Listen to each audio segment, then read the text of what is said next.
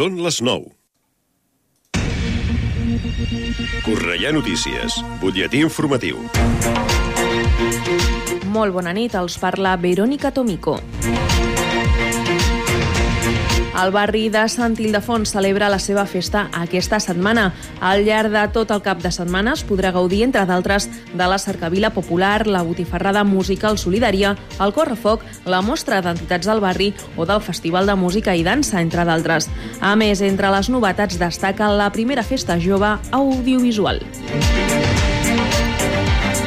El Departament d'Esports organitza l'edició de tardor de la Festa Jove de l'Esport. La cita és aquest divendres a les 5 de la tarda i fins a les 8 del vespre a la plaça de Sant Ildefons. Els nois i noies de Cornellà que hi participin podran gaudir de jocs d'inflables, diverses competicions esportives, una carpa informativa sobre salut mental i moltes sorpreses més. Tot plegat estarà amenitzat per un DJ. La festa s'adreça a joves de 12 a 21 anys on es podrà participar lliurement i sense inscripció prèvia. a.m. El curtmetratge Maruja es presenta demà a les 6 de la tarda al Centre Cívic de Sant Ildefons. Es tracta de l'òpera prima de la directora Berta García Lach i de l'estrena com a actriu de Guadalupe Finyana.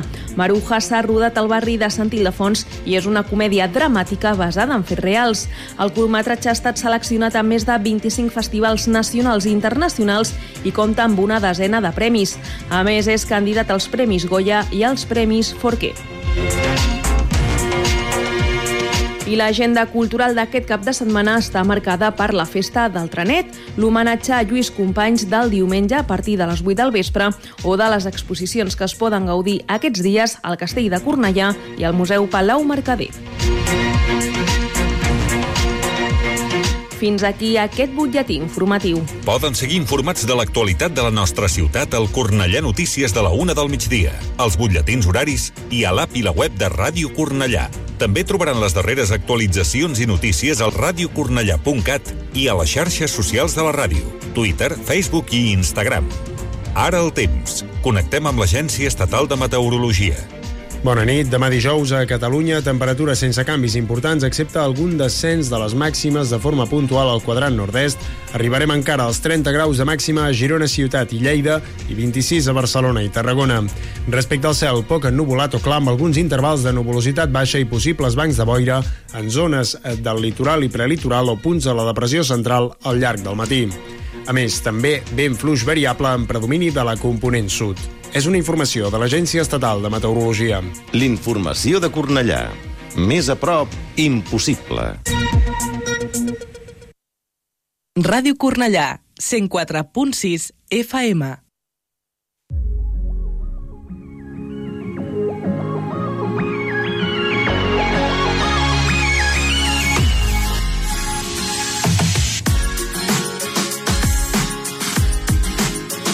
Ara comença Let's Go Creu Roja, mitja lluna roja i cristal roig, amb el patrocini de Conxeroria Montserrat.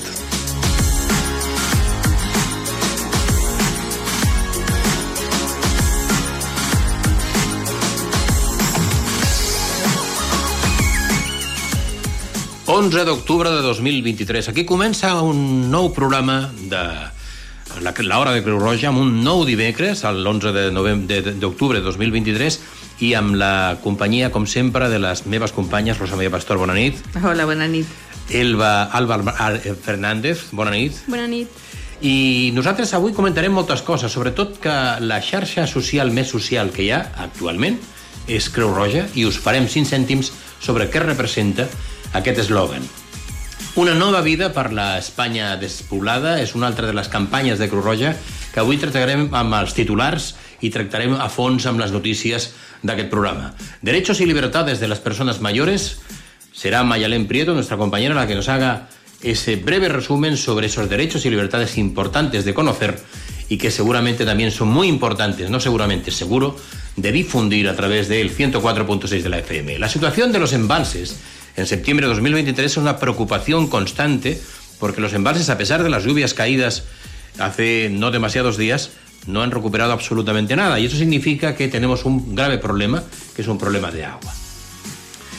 Ah, tendremos las adivinanzas de nuestra compañera Olga Giorgi y también hoy la supliremos en la adivinanza para la semana que viene porque Alba Fernández tiene preparado una difícil, muy difícil, pero que será importante que tengáis en cuenta para ganar el premio, como siempre, de las adivinanzas, de ese apartado de curiosidades que tenemos en el programa y que nos hacen participar cada día. Cuida el medio ambiente desde casa es una fórmula establecida para que con pequeñas ideas, con pequeñas aplicaciones en el día a día de casa, podamos ser capaces de cambiar el medio ambiente entre todos. Y eso es una función prácticamente de todos. Hoy viajamos, cultura, geografía, adivinanza de Mayalén Prieto, que nos dirá exactamente dónde podemos estar. Y en salud hablaremos de cómo empezar y comer y correr, quería decir, cuando no lo has hecho nunca. Y es una, nuestra compañera Mayalén Rivero quien nos facilita precisamente esos consejos, así como las curiosidades, que es cómo se conserva el aguacate. Una no sé si una hortaliza, una fruta, una fruta debe ser, ¿no? Una fruta. Una fruta que todo el mundo mm, hoy en día es muy estimada, sobre todo en las dietas mediterráneas y en las dietas, sobre todo por sus proteínas y por sus grasas, etcétera, etcétera. Pero lo cierto es que nadie sabe cómo, conservarla. Y ahí está donde entraremos en, en esa discusión de cómo hacerlo. Aquí acaban los titulares y empezamos como siempre, pero hoy no con los consejos de Cruz Roja, sino con un audio que nos dará un histórico sobre lo que ha ocurrido concretamente desde que vino el COVID-19 y estalló la guerra de Ucrania el 24 de febrero de 2022. Ahí está nuestro audio. 2022 comenzó con esperanza. En La Palma resurgían de las cenizas del volcán y una lenta recuperación de la pandemia nos hacía soñar con un año mejor. El planeta nos daba una tregua y mirábamos el futuro con optimismo. Hasta que el 24 de febrero estallaba el conflicto en Ucrania, que ha provocado el mayor número de personas desplazadas desde la Segunda Guerra Mundial y una situación humanitaria de grandes dimensiones, que ha activado de nuevo a todo el movimiento de la Cruz Roja y de la Media Luna Roja.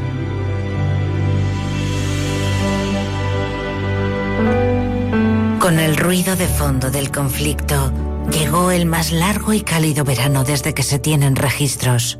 Las olas de calor, las altas temperaturas y la escasez de lluvias han estado detrás de muchos de los incendios que han calcinado España.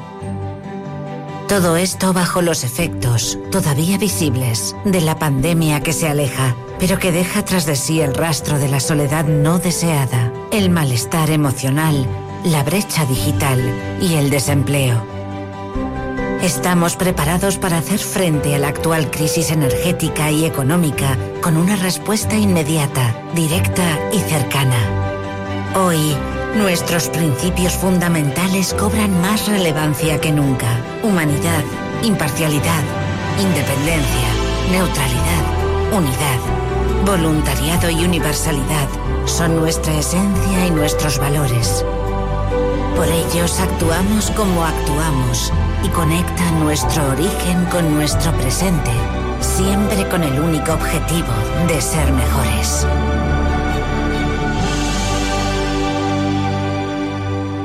Y ser mejores es uno de los impulsos que nos lleva precisamente a iniciar a iniciar programas, porque con el objetivo de animar la participación desde Cruz Roja se ha puesto en marcha la red social Más Social, una campaña que busca incentivar al voluntariado entre la población más joven.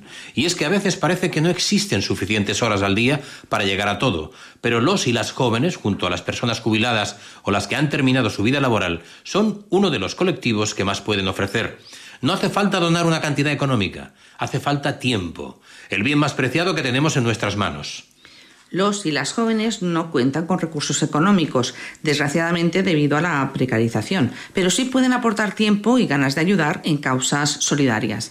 La mayoría de personas dicen mi pueblo, el pueblo de mis padres, es decir, tenemos un origen en esas zonas rurales que vamos olvidando cuando nos metemos de lleno en las grandes ciudades. Las comodidades, por ejemplo, en cuanto a los medios de transporte o las oportunidades laborales y formativas, hacen que muchas personas miren hacia las ciudades, pero no deja de ser importante las enseñanzas que puede obtener de un pueblo. Cómo viven sus gentes y cómo se relacionan, a mi juicio, es muy valioso, opina. La superconexión que existe en la actualidad junto al aislamiento que sufren las zonas de la de España despoblada han sido dos de los pilares que han dado pie a este proyecto y concepto que reivindica que no hay nada tan social como compartir tiempo con las personas que nos rodean.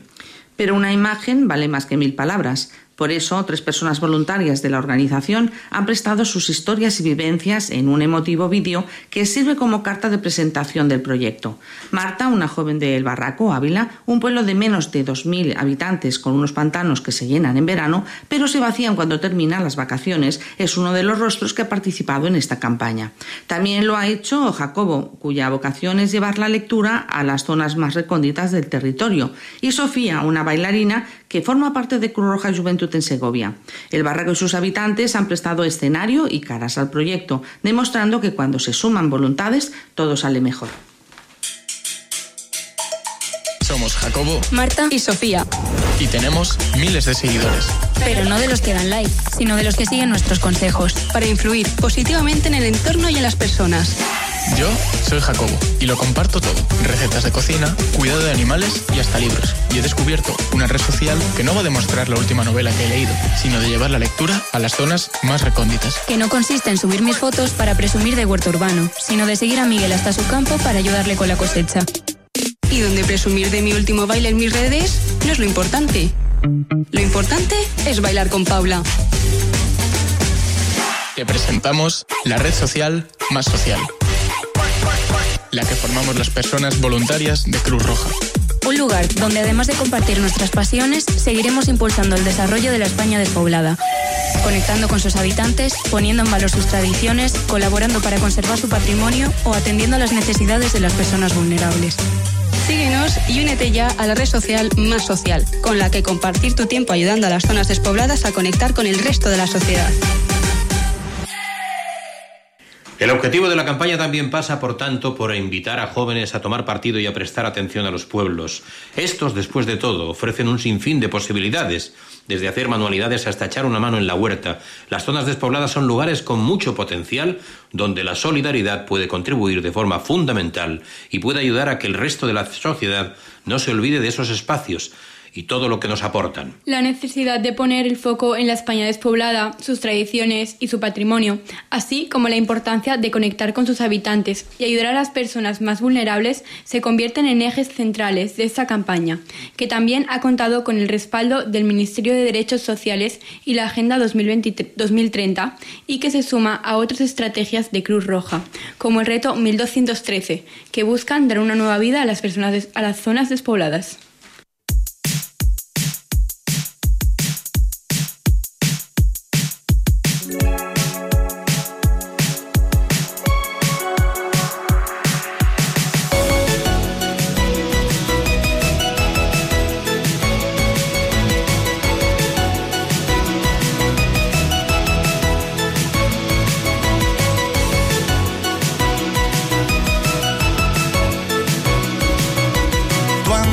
Sentir que ara no hi ha més mancança sense permís.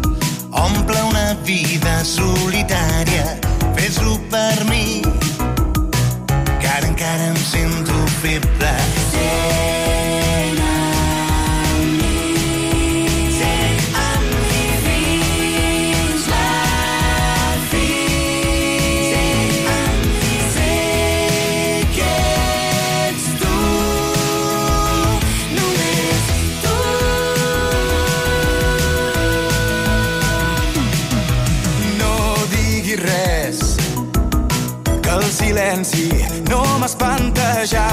Saber.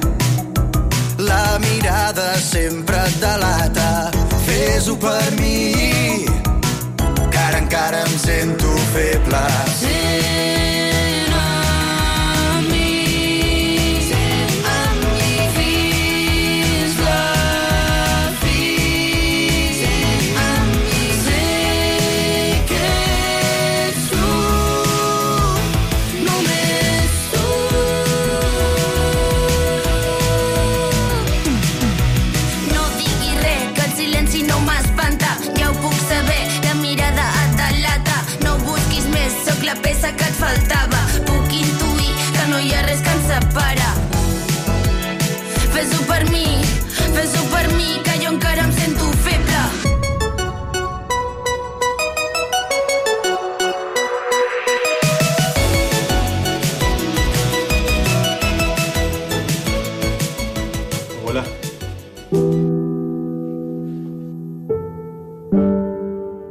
Personas de nuestro entorno no siempre admiten que no están pasando por un buen momento emocional.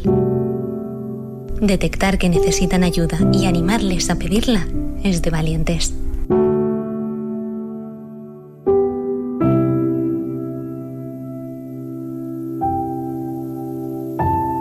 Llámanos 900 107 917.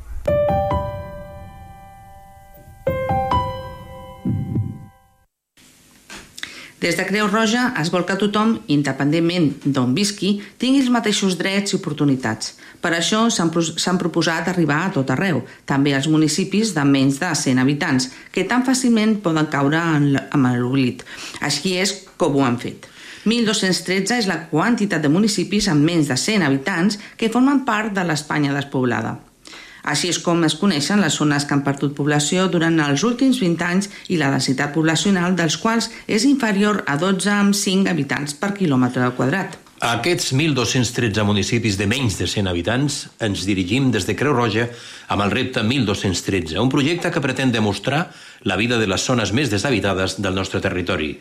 Es busca així millorar la qualitat de vida de la població d'aquests municipis. Per això s'ha dissenyat una estratègia de resposta, de resposta, volia dir, específica per mitigar els efectes de la despoblació i aproximar-nos més a les persones que viuen en aquestes zones. El repte 1213 va més enllà de realitzar una intervenció directa amb les persones i lluir-los materials o ajudes econòmiques. Es busca, sobretot, involucrar els seus habitants en la solució dels seus problemes, facilitar-los els recursos necessaris i acompanyar-los en aquests processos d'autogestió. La finalitat última és generar un moviment social implicat que sigui capaç de resoldre les seves pròpies inquietuds i que, així, l'ajuda sigui més sostenible en el temps. Com a exemples, a Puent de Luna, Saragossa, una població amb 45 persones censades i només 7 residents durant tot l'any. Va tenir lloc a, a l'agost passat la següent activitat – al costat de l'església i l'Ajuntament ha estat creat un jardí vertical i s'han pintat els bancs de la zona, habilitant un espai on veïns i veïnes poden reunir-se.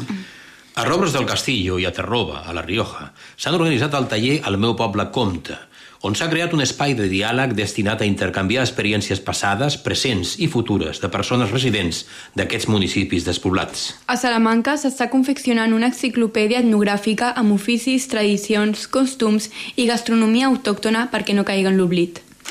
A Sacanyet i Canals, a prop de Castelló, s'ha construït un banc de pedra i una petita biblioteca. I a Rorregordo i Somosierra, a la Comunitat de Madrid, han acollit una jornada lúdica i una oficina mòbil de Creu Roja respectivament.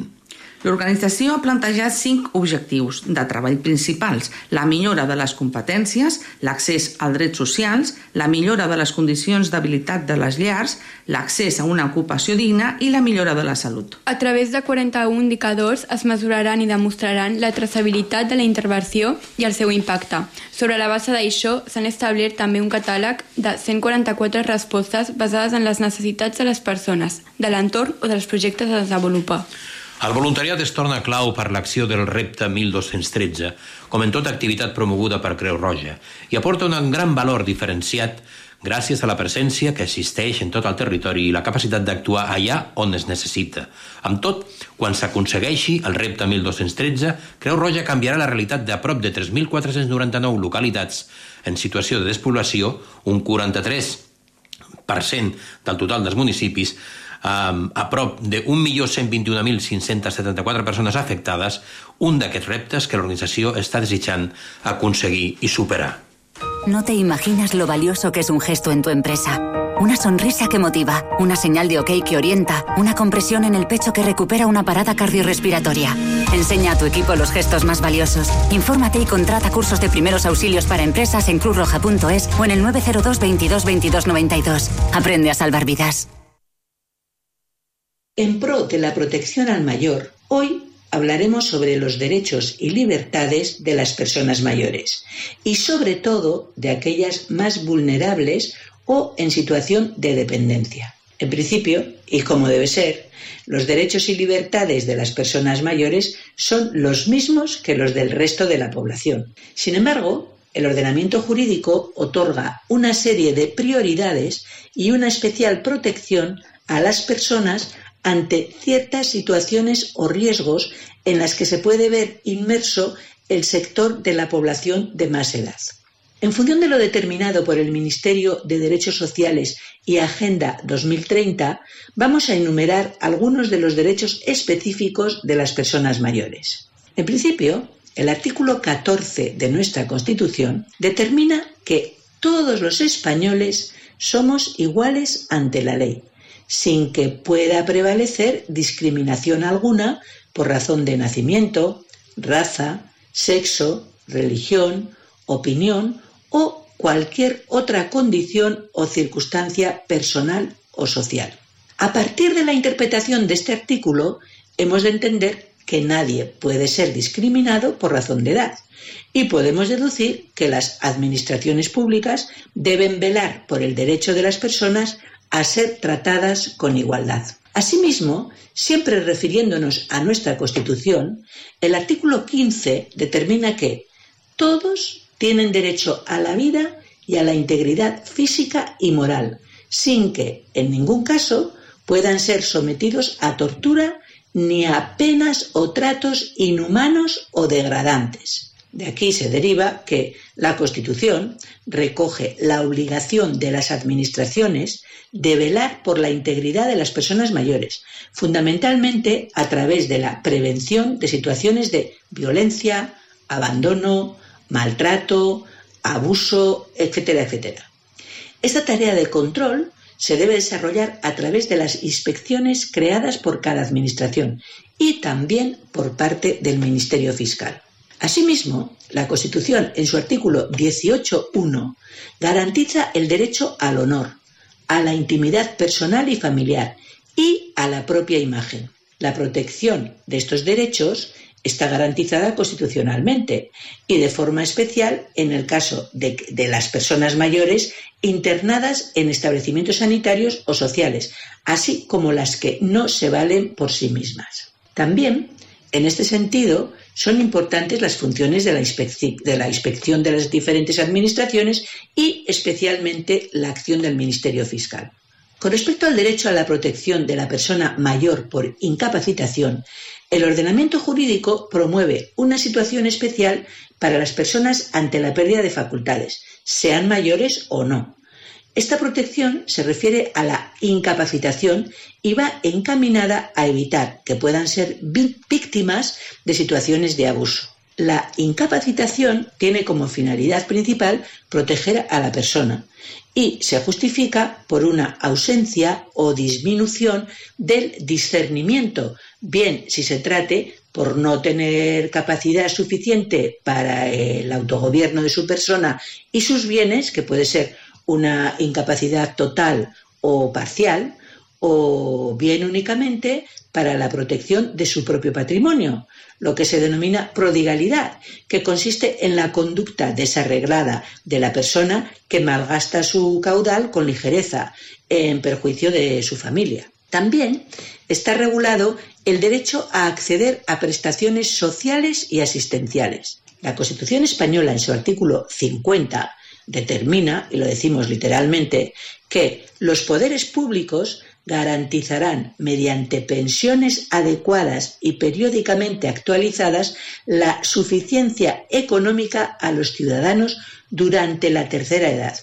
Asimismo, y con independencia de las obligaciones familiares, promoverán su bienestar mediante un sistema de servicios sociales que atenderán sus problemas específicos de salud, vivienda, cultura y ocio. En base a este artículo de la Constitución, los poderes públicos deben procurar un apoyo que contribuya al sostenimiento y la mejora de la calidad de vida de las personas mayores.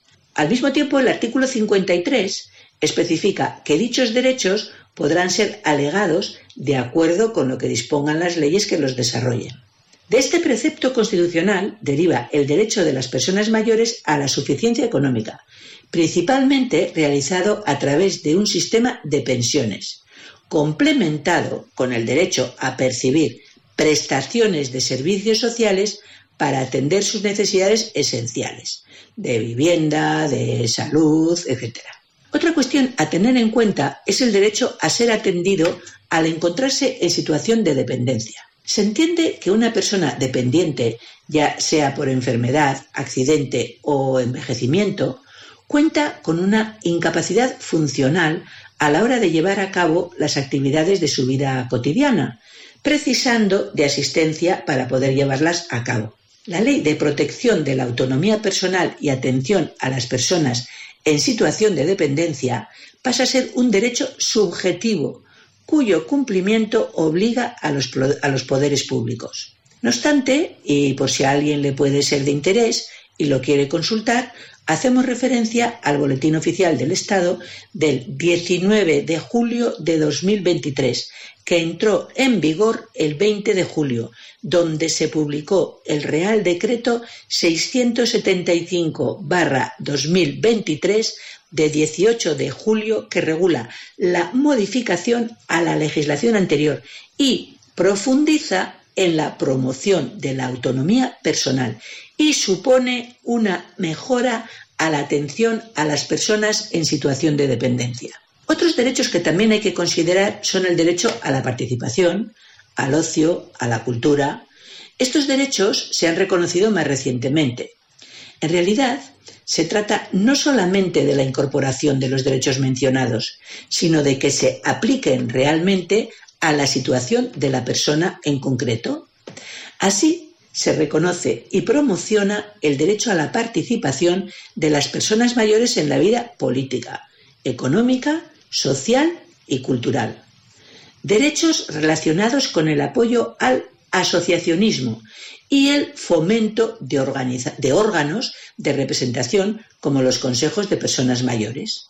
Los poderes públicos deben fomentar, en beneficio de las personas mayores, el acceso al ocio, al deporte y a la cultura, al disfrute del medio ambiente saludable y a beneficiarse de los avances de la ciencia y la tecnología. Los mayores deben tomar conciencia de sus derechos y deberes. Deben poder decidir cómo quieren vivir y así conseguir una vida digna, de calidad y satisfactoria. Esta toma de conciencia no solamente la deben hacer los mayores, sino toda la sociedad en general. Siempre hay que ponerse en el lugar de las personas vulnerables para poder entender su, situación. Y debemos añadir que los malos tratos a las personas mayores vulnerables, malos tratos, vejaciones, etc., siempre deben ser denunciados. Tus gestos son muy valiosos. Impulsan, dan fuerza, valor, unen e incluso salvan vidas. Protege Avisa. Socorre. Aprende a salvar vidas con Cruz Roja. Así como hablar del tiempo es uno de los recursos más utilizados cuando se encuentran dos personas en un ascensor o se encuentran en un bar o en la calle, resulta que se ha vuelto uno de los recursos muy utilizados la situación de los embalses españoles. Y tenemos noticias sobre su situación en septiembre, a finales de septiembre de 2023, y Cataluña no queda en buena posición. Me parece que no. Yo creo que no. ha terminado oficialmente el verano y parecía que el tiempo iba a cambiar. Esperábamos la bajada de temperaturas, el inicio de las lluvias. En cambio, ha regresado el tiempo caluroso y estable a toda la península, lo que ha vuelto a agravar la situación de los embalses, que una semana más vuelven a ver decaer sus reservas. En los últimos siete días, los embalses españoles han perdido tres décimas, cayendo a un mínimo anual de 36,5% de su capacidad. En esta última semana, las reservas han, han disminuido de 141 hectómetros cúbicos para quedarse con una cantidad total embalsada de, 40 de 20.482 hectómetros. Aunque son unas cifras muy preocupantes, hay que mencionar que aunque por muy poco, solo cuatro puntos mejoran la situación de las mismas alturas del año pasado, cuando las reservas se situaban en un 32,5% del total. El año pasado esta situación solo pudo ser parcialmente subsanada durante los meses de diciembre y enero y esperemos que se repita la misma tendencia este año. La tendencia descendente ha sido generalizada, con algunas excepciones como la ligera ganancia del Júcar y el estancamiento de las cuencas del País Vasco y Cataluña, de escasa capacidad. Los mayores porcentajes de embalsados se mantienen en la vertiente norte, con las dos únicas zonas que permanecen por encima del 70% de llenado, que es el Cantábrico Oriental y el Cantábrico Occidental. La situación tampoco mejora en las zonas con mayor déficit hídrico, con 6 puntos por debajo del 25% de llenado y una situación cada vez más preocupante tras los nuevos descensos semanales en el Guadalquivir, 18,4%, y del Guadalete Barbate, 16%. Las reservas de la zona norte han experimentado importantes descensos en esta semana. Las caídas más importantes las protagonizan las pequeñas cuencas del Cantábrico Oriental y el Cantábrico Occidental, a pesar de lo cual ambas, como hemos mencionado, están aún por encima del 70%. Y hay una cuenca que per permanece inalterable, la cuenca del País Vasco. Las mayores preocupaciones comienzan de nuevo en la mitad sur de la península, que no alcanzan el 25%, y no cambia mucho la situación en la vertiente mediterránea, la cual semana a semana va cayendo varias décimas. La cuenca mediterránea, mediterránea andaluza en un 24% y la del Segura en un 24,6%. Y aunque permaneciera invariable esta semana, la de Cataluña es incapaz de remontar su alarmante 22,6%. Como decíamos, el año pasado el panorama mejoró para diciembre y enero.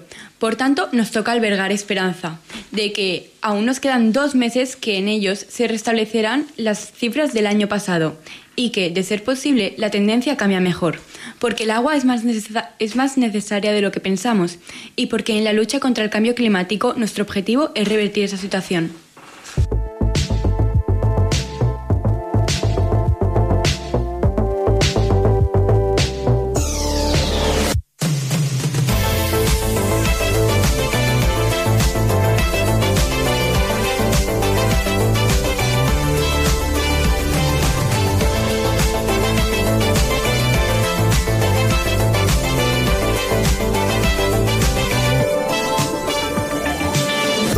cor alegria Macarena que el meu cor necessita alegria i cosa bona. Dona el meu cor alegria Macarena. Eh Macarena. Dona el meu cor alegria Macarena que el meu cor necessita alegria i cosa bona. Dona el meu cor alegria Macarena. Eh Macarena.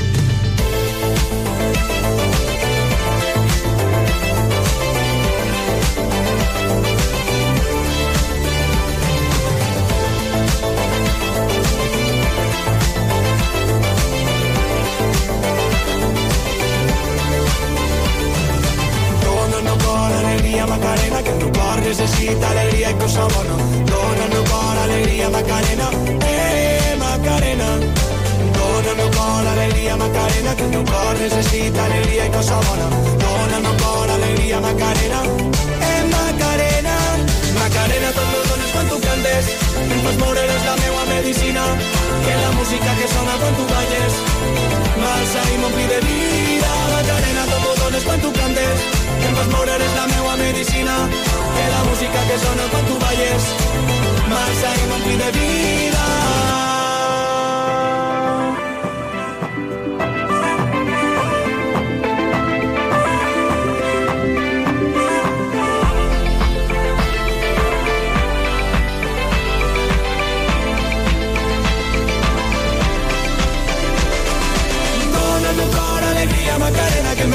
necessita alegria i cosa. Dona al meu cor alegria, Macarena, eh, Macarena.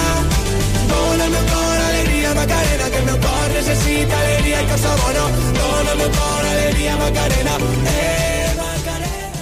Horas 34 minutos, si no estamos mal orientados. Y lo cierto es que vamos a hablar de las uh, adivinanzas de nuestra compañera Olga Giorgi, que la semana anterior nos sorprendía con esta. Aunque me corten y corten, nunca me verán sangrar, porque me han curado el frío y metido en mucha sal. ¿A quién han curado al frío y lo meten en mucha sal para que luego reciba cortes y cortes? Pues el jamón, solucionado. ¿eh? Esa era la solución de la adivinanza del, de la semana anterior. Recordar que tenéis que, ahora en breve, nuestra compañera Alba Fernández nos va a dar concretamente la de viva voz la adivinanza para la semana que viene, prestar mucha atención y sobre todo también anotar el teléfono, el 666 88 88 21, que es el número de teléfono al cual tenéis que dar la solución mediante un audio o nota de voz. Pero Alba, adelante con la adivinanza de la semana que viene. Vale, atentos. ¿Qué sirve más roto que sin romper? Esa es la adivinanza. La solución al 666 88 88 21 la volvemos a repetir. ¿Qué sirve más roto que sin romper? Y ya recordad, 666 88 88 21 la adivinanza y os lleváis un premio de Cruz Roja. 20 horas Aún no 36. lo sabes, pero cada mañana hay personas que se levantan y necesitan sentir que tienen a alguien a su lado. Niños y niñas, jóvenes, mayores, inmigrantes, personas sin hogar. Con tu esfuerzo puedes contribuir a que todas ellas recuperen la sonrisa. El voluntariado es un boomerang de vida y vuelta. No lo dudes. Únete a Cruz Roja. Lánzate. Más información en cruzroja.es. Campaña financiada por el Ministerio de Sanidad, Servicios Sociales e Igualdad por solidaridad a otros fines de interés social. Y llegó el momento de cuidar del medio ambiente desde casa. O sea, con pequeñas acciones. Sí. Con simplemente tener cuidado en dónde poner una cosa y dónde poner la otra. Porque cuidar el medio ambiente no requiere grandes acciones, sino que desde tu propia casa puedes hacer muchos pequeños gestos para contribuir a su protección. La actual emergencia climática requiere que todos pongamos de nuestra parte para mejorar la situación. Además, si tienes hijos, serás su referente, por lo que aprenderán viendo lo que haces tú e imitándolo. La idea es que te conciencies tú y que enseñes a tus hijos principios y valores para cuidar el planeta en el que viven, los animales, los árboles, las plantas y todos los recursos naturales. Te proponemos varios. Pues aquí vienen los consejos y acciones para cuidar el medio ambiente en casa y transmitir, recordar, transmitir valores positivos en ese sentido a tus hijos. Para empezar, podríamos separar la basura. Desde pequeños es bueno que los niños aprendan a separar los residuos para que se puedan reciclar. Enséñales qué se tira en cada cubo y por qué se debe hacer así. Usa productos que puedan reutilizarse. Hay muchos productos que se pueden usar varias veces para proteger la naturaleza. Por ejemplo, utiliza servilletas de tela en lugar de servilletas de papel. Apagar las luces. Parece obvio, pero no nos damos cuenta de la cantidad de veces que encendemos la luz de una habitación que no ocupamos. Acostumbra a tus hijos a apagar la luz y cuando te marches de casa comprueba que todo esté apagado. Consume frutas y verduras ecológicas. Los productos ecológicos cuidan el medio ambiente porque en su producción no se utilizan fertilizantes ni otros productos contaminantes. Evita dejar los aparatos enchufados. Recuerda que los aparatos que están apagados pero siguen enchufados consumen energía, por lo que es importante desenchufarlos. Cierra los grifos correctamente. Cuando no utilices el agua, cierra el grifo y controla que no existan fugas. Utiliza el termostato. Tanto para la calefacción como para el aire acondicionado es necesario utilizar un termostato. El consumo de energía de la calefacción baja cuando reduces en un solo grado la temperatura. Y lo mismo ocurre si aumentas la temperatura un grado en el aire acondicionado. Muévete en transporte público. La contaminación en las grandes ciudades proviene de gran, en gran medida de coches. Utiliza transporte público para desplazarte y ayudarás a cuidar la naturaleza. Lleva tus propias bolsas al supermercado. Cada vez son más los supermercados que venden las bolsas de plástico para fomentar el reciclado. Nuestra comodidad sigo siendo un obstáculo. Llévate tus propias bolsas al supermercado y utilízalas varias veces y conseguirás dos objetivos, ahorrar y cuidar el medio ambiente. Aprovecha la luz natural. Para reducir el consumo de luz eléctrica, abre las ventanas y sube las persianas para que entre la luz del sol en tu casa. Cambia las bombillas de tu casa. Las bombillas de bajo consumo se calientan menos, consumen menos energía, alumbran igual y duran más. Recicla todo lo que puedas. Antes de tirar ropa, libros o juguetes, piensa si puedes darles una segunda oportunidad para evitar gastar y comprar todo nuevo. Ahorrarás dinero y protegerás la naturaleza. Planta árboles. Los árboles producen oxígeno y son esenciales para la naturaleza, así que planta un árbol en tu casa o en la comunidad donde vives.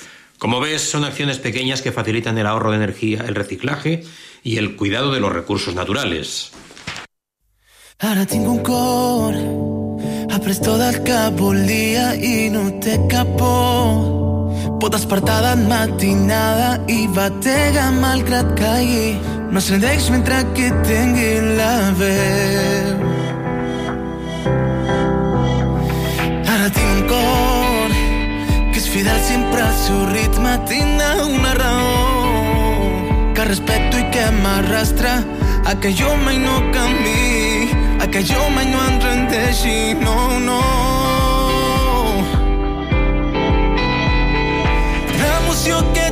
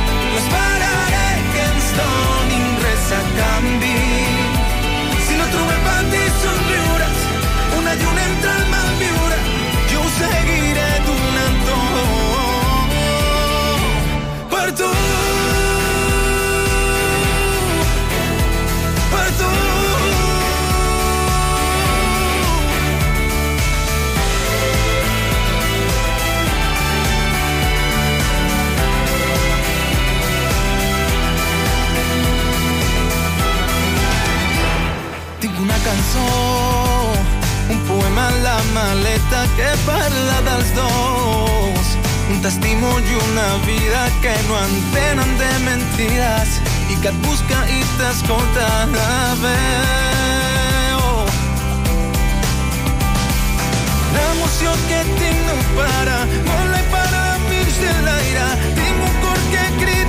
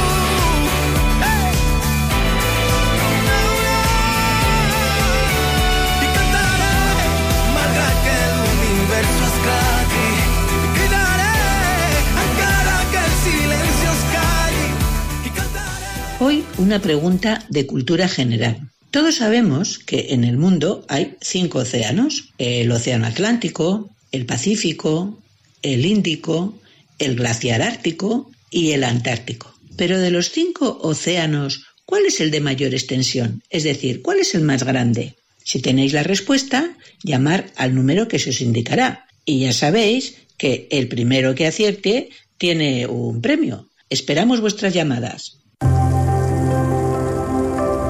Tus preocupaciones no desaparecen por no hablar de ellas. No estás solo. Cuidamos de ti. Llámanos. Cruz Roja te escucha.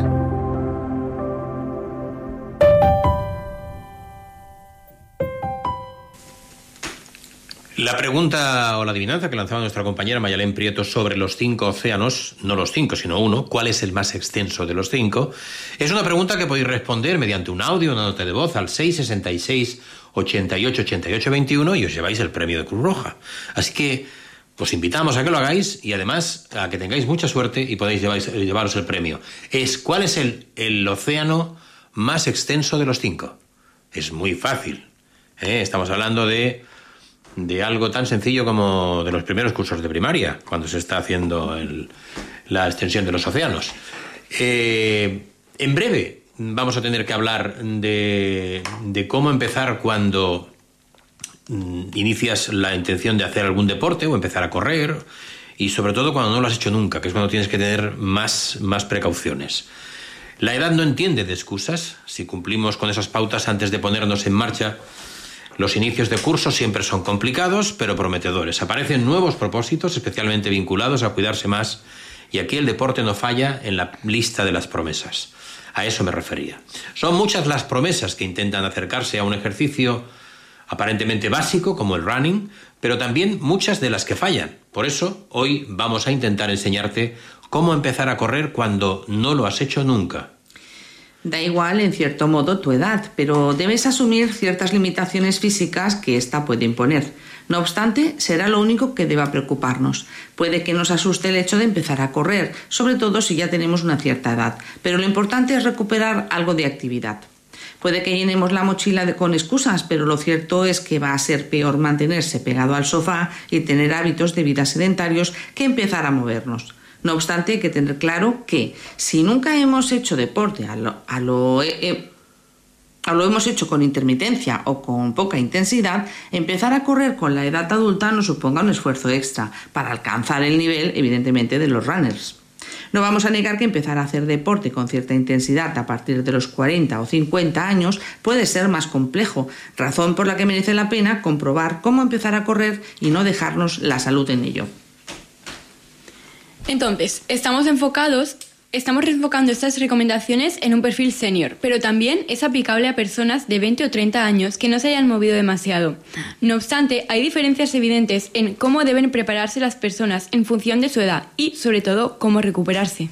Lo cierto es que antes de ponernos a hacer deporte, independientemente de la edad, debemos tener claros algunos factores. Es primordial que comprobemos nuestro estado físico, más aún con edades avanzadas, razón por la que es clave que pasemos por la consulta de nuestro médico para obtener el permiso para practicar un deporte. Una realidad con dos caminos, el de correr en cinta o correr al aire libre. De hecho, es posible que nos derive a otros especialistas como el cardiólogo para realizar la, la, llamada prueba de esfuerzo o ergometría y comprobar cómo reaccionamos ante el ejercicio físico. Mejor prevenir que curar y evitar riesgos innecesarios. Sin embargo, no solo este chequeo previo es lo que deberíamos tener en cuenta. Nuestro cuerpo no reacciona igual al estímulo deportivo con 20 años que con 50 años. Esta evidencia es una de las pautas más importantes para tener claro que no se va a comportar igual nuestro organismo para recuperarse en la juventud o en la madurez. Por eso, ten claro que has de pautar recuperaciones más largas entre sesión y sesión, además de entrenos más cortos y de menor intensidad medida que te hagas mayor, si nunca has salido a hacer deporte.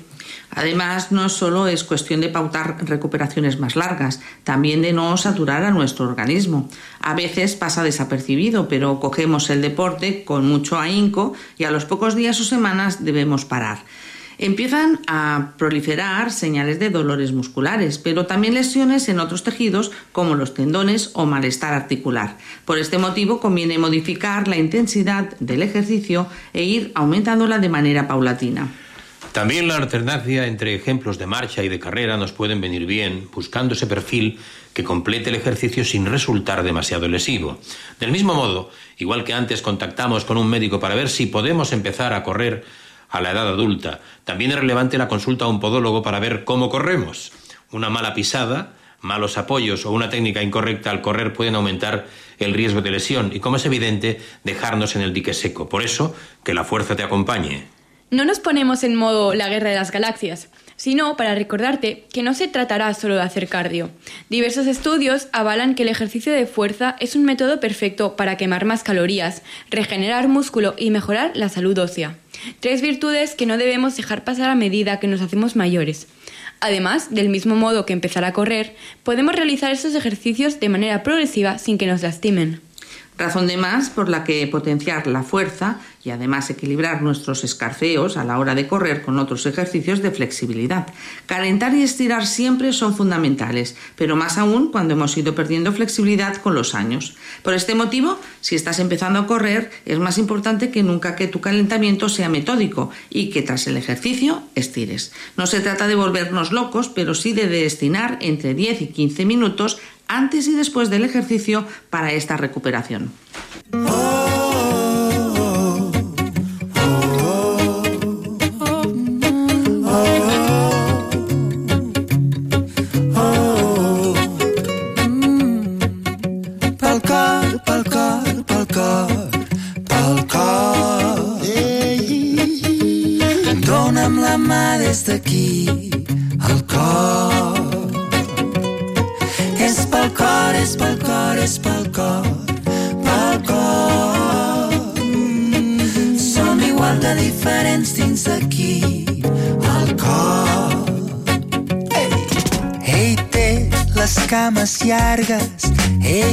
pa'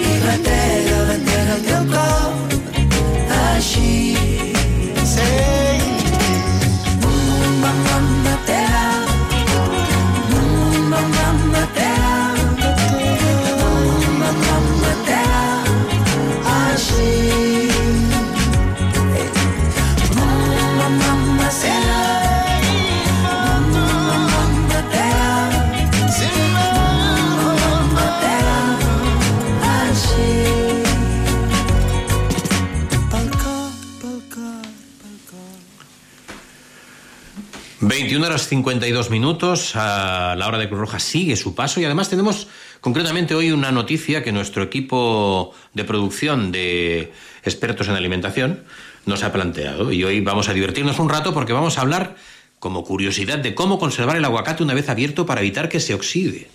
¿Eh? Pa- Parece el título de una película. ¿eh? Esto nos puede llevar lejos.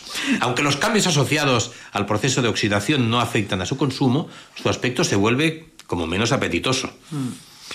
Las propiedades nutricionales y características de los llamados superalimentos los han convertido en productos clave que no pueden faltar en las nuevas dietas saludables. Alimentos como las semillas del apio, las nueces, las berenjenas o el brócoli han experimentado un crecimiento de popularidad y un aumento considerable de la demanda. Y entre los conocidos como superalimentos destaca el aguacate, nuestro protagonista de hoy, ¿eh? fruto del aguacatero, Persea americana, como se llama, pertenece a la familia de las lauráceas, formada por plantas leñosas que crecen en climas cálidos y entre las que se incluyen aromáticas como el laurel, el alcanfor y la canela. Su origen se sitúa en Centroamérica, en las zonas de México, Guatemala y las Antillas. El nombre deriva de azteca aguacati, que significa testículo, de un y do, seguramente debido a su forma, y de ahí su fama como afrodisíaco. Los españoles lo denominaron pera de las Indias, por su parecido físico a la pera. Tiene la piel dura y oscura y alberga en su interior una única semilla redonda y de gran tamaño. La pulpa es cremosa, de color verde o amarillo pálido y con un sabor que recuerda a la avellana. Pero tiene propiedades y nuestras propiedades, nuestra compañera Rosa María Pastor nos va a decir cuáles son. La composición nutricional y las propiedades del aguacate lo convierten en un alimento extraordinario.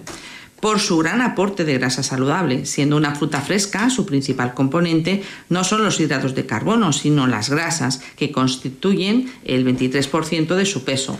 Lo mejor es que se trata de las grasas de mayor calidad, monoinsaturadas como las que presenta el aceite de oliva por su gran fuente de vitamina E. Al igual que otros alimentos grasos, el aguacate destaca por su gran aporte de vitamina E.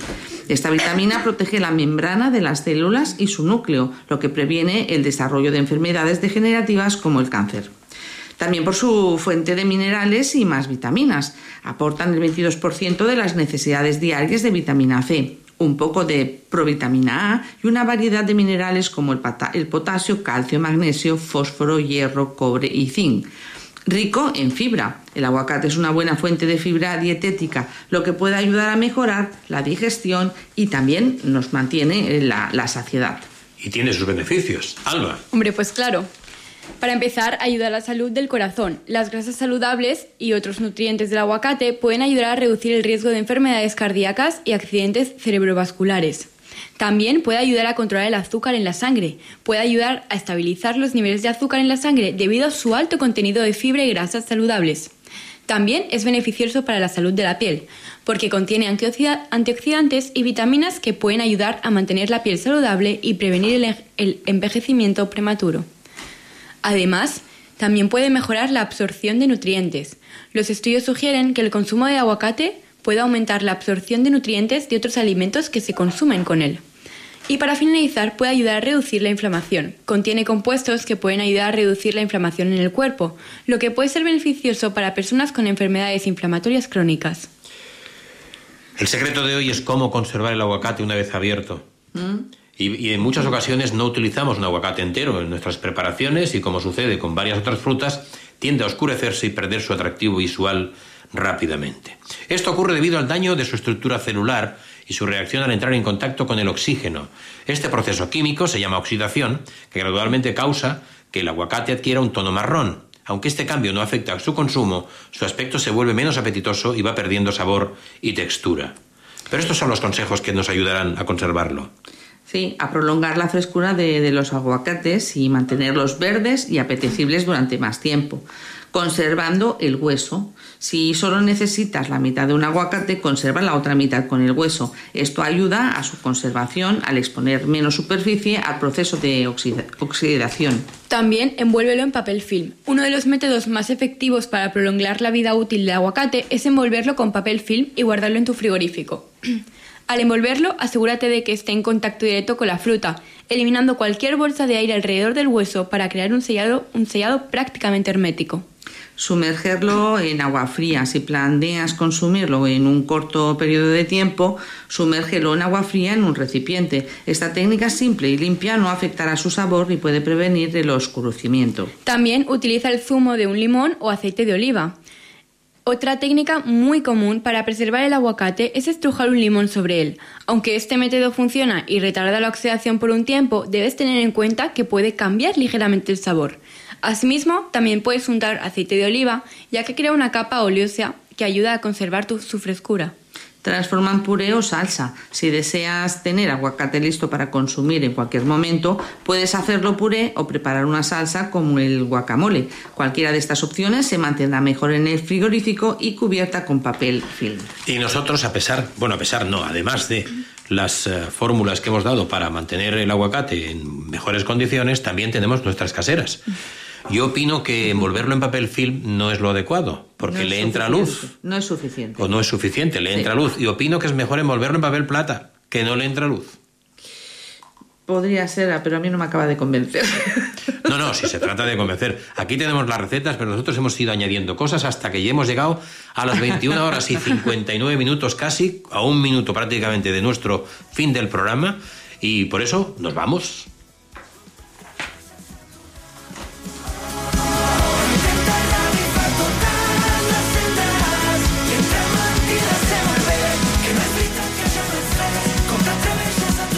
Nos vemos entonces la semana que viene, el 18 de octubre de 2023, a las eh, 9 de la noche, de 9 a 10, la hora de Cruz Roja. Bona nit, Alba Fernández. Bona nit, Rosa Maria Pastor. Bona nit. Bona nit Bona a tots. Que vagi bé. Perquè avui tornes i te n'aniràs Tantes mentides que al final confonen Mai vaig ser bo per poder distingir Per molt que ho negui sempre me les menjo vida és amb signaves. Tres t'ho diu i un t'estimo. Dos consells jo vull donar-te, prefereixo acobardar-me que oblidar-te així d'entrada. Sento rumors de tu que diuen rumors de tu que diuen que el vent és l'única que escolta que el vent és l'única que escolta Dic que no hi va fer falta per aixecar la faldilla quan a tu et convenia